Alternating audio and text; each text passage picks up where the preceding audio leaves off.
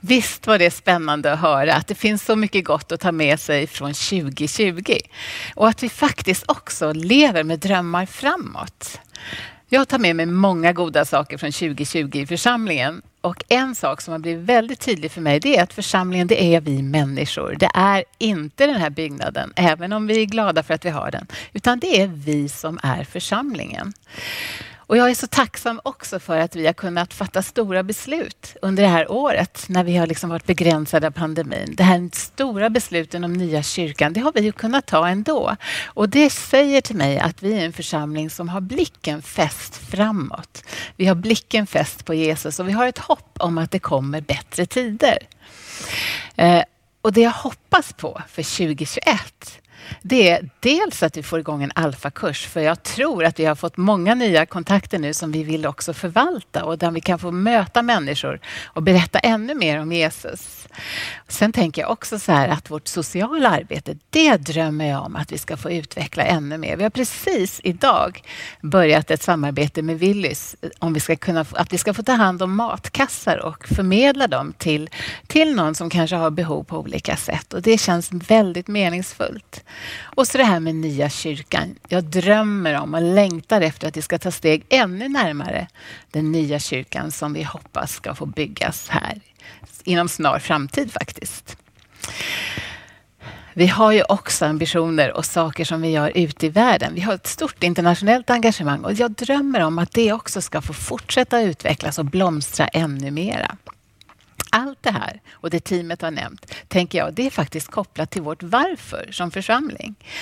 Någon har sagt så här att den som har ett varför att leva för kan nästan uthärda vilket vad eller hur som helst. Just nu lever vi i en märklig tid. En tid av begränsningar då vi längtar efter att kunna träffas igen som vi har sagt. Men jag vill påminna dig och mig själv om att Gud är inte begränsad av en pandemi. Han är verksam och han både kan och nå oss och andra människor precis just nu. Vad och hur, det är ju väldigt viktigt för oss människor, eller hur? Vi lär oss jättemycket på Youtube. Man kan lära sig det mesta hur man ska göra saker. Men kanske inte lika mycket varför man ska göra saker. Var finns det ett varför som är stort nog att leva för? När vad eller hur kanske inte längre håller.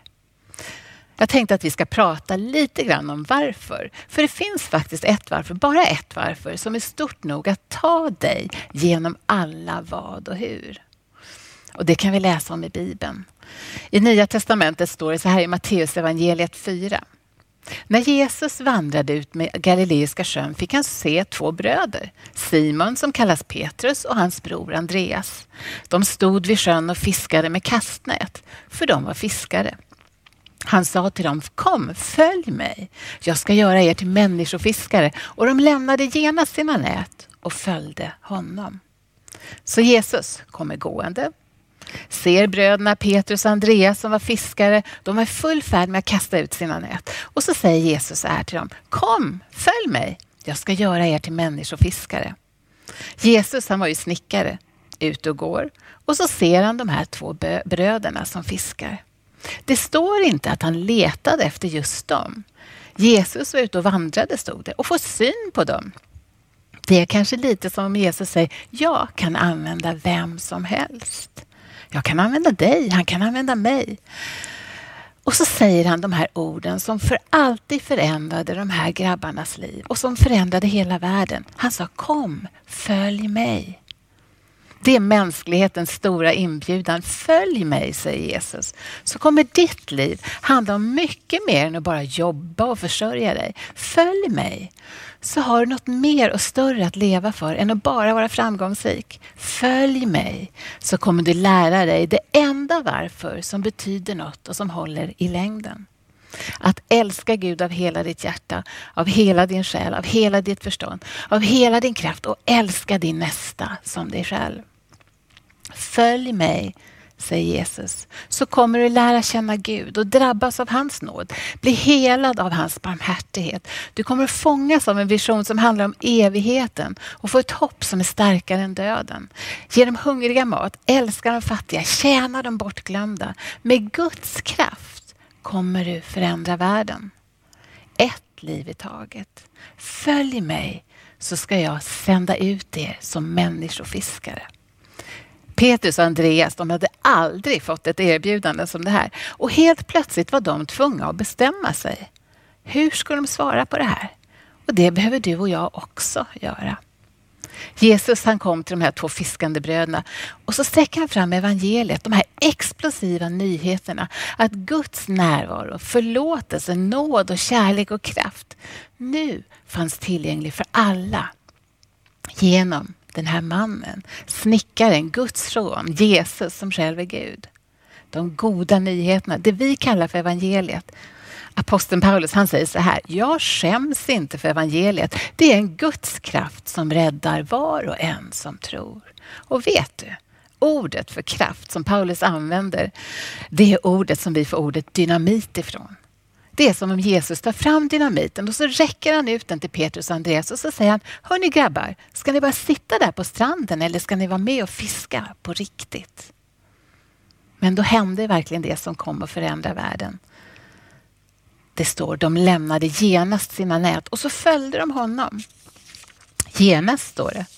Det var något med Jesus som fick dem att förstå att det här var deras livschans. Och de lämnade sina nät. Och så tänker jag så här, att vi har alla våra nät.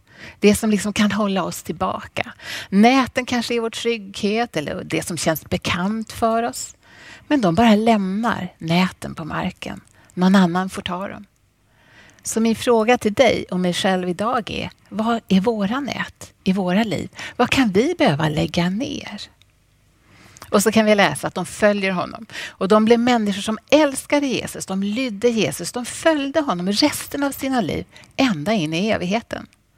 Vi kan läsa i Bibeln att de förstod ju inte alltid Jesus, men de kunde inte leva utan honom. De till och med räknade det som ett privilegium att lida och dö för hans skull. De hade ett varför som gjorde att de kunde möta vilket vad och hur som helst. Det är deras berättelse. Och då kanske du tänker så här, men varför pratar Jesus om att fiska? Det är väl lite konstigt i alla fall. Ja, men de var ju fiskare. Han pratade ju så att de skulle förstå. Och Jesus sa inte, följ mig så ska jag se till att ert liv blev helt problemfritt och fantastiskt lugnt. Han säger, följ mig så ska jag använda dig. Följ mig så ska vi tillsammans älska den här världen. Vi ska förändra världen. Det de fick var ett varför, ett nytt varför att leva för. De skulle älska och kalla människorna till en ny, radikalt inkluderande, fantastisk, befriande gemenskap vars centrum var och fortfarande är Jesus och hans budskap. Som kunde förvandla mänskligheten så att den blev Guds familj.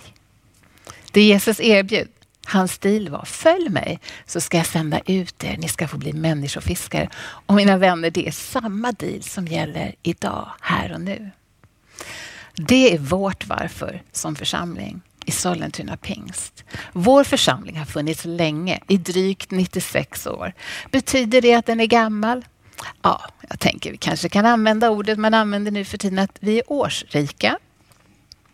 Vi har ett fantastiskt förflutet, en god och fantastisk nutid mitt i alla utmaningar och en fantastisk framtid att se fram emot. Och då tänker du, nej, nej, nej, stopp där. Hur kan du stå och säga sådär? Jo, för att Jesus är redan där. Och han möter oss och så får vi gå tillsammans med honom in i framtiden. Och vet du, i en familj och en församling så är alla viktiga. Vi gör det tillsammans. Den här församlingen grundades därför att en grupp människor hade ett brinnande varför. Och det var att människor i Sollentuna skulle få lära känna Jesus. Samma sak gäller nu också. Vi vill vara en församling i Sollentuna för Sollentuna. I Psaltaren så står det så här i Bibeln. Vad vi har hört och lärt känna, vad våra fäder berättade för oss vill vi inte dölja för våra barn. Vi ska berätta för kommande släkten om Herrens ära och makt och om det under han har gjort. Där har vi det. Fäder, vi som lever nu, kommande släkten. Vi vill bära det arvet och vi vill bära budskapet vidare. Vårt varför som församling, anledningen till att vi finns är fortfarande för att människor ska få lära känna Jesus.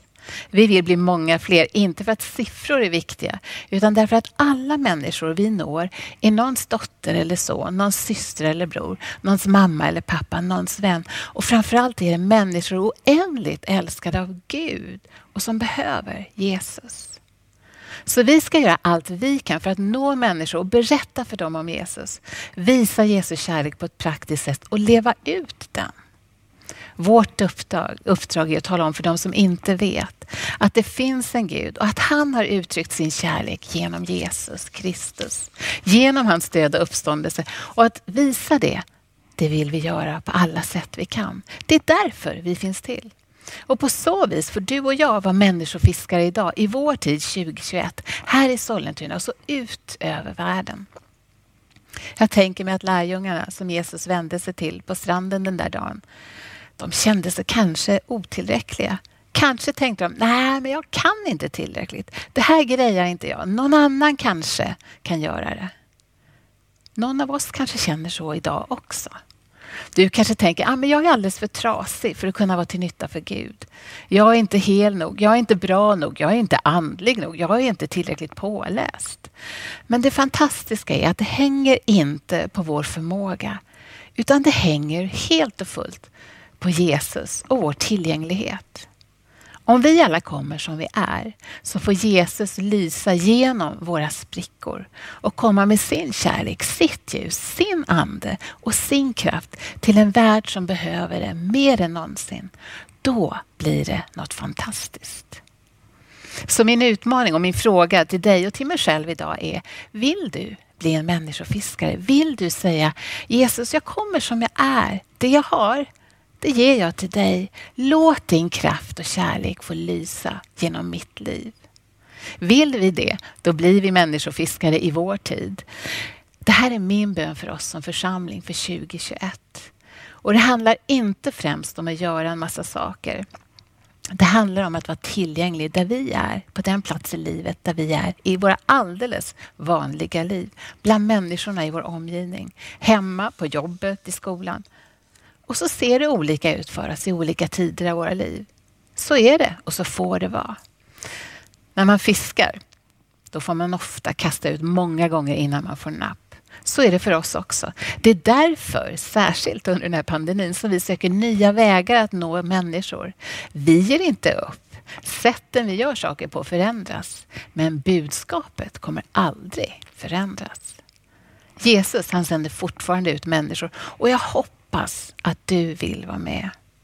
Den här tiden är annorlunda, men det begränsar inte Gud. Låt oss se möjligheter och uppmuntra varandra, lyssna på varandra, visa kärlek och omsorg och hjälpa varandra och människorna vi möter. Och be för dem som Gud har satt i vår närhet. För jag är övertygad om att tillsammans med Jesus, ledda av hans helige Ande och tillsammans med varandra kommer vi få se fantastiska saker hända 2021 och framöver. Jesus och att människor ska lära känna honom, det är vårt varför. Vi ber tillsammans. Tack käre Jesus för att du är här, Herre. Tack för att du kallar oss till dig, Herre. Tack för att vi får komma som vi är Jesus och tack för att vi får lägga våra liv i dina händer. Och även om vi är lite trasiga och kantstötta här så får vi bjuda in dig i våra liv och sen får ditt ljus lysa i oss och genom oss Herre. Herre, jag ber att du välsignar tiden som ligger framför. Herre, led oss och hjälp oss att vara nyfikna och se möjligheter mitt i allt som händer just nu, Herre. Tack för att du öppnar nya dörrar, du ger oss nya vägar och du visar oss vägen, Herre. I ditt namn Jesus. Amen.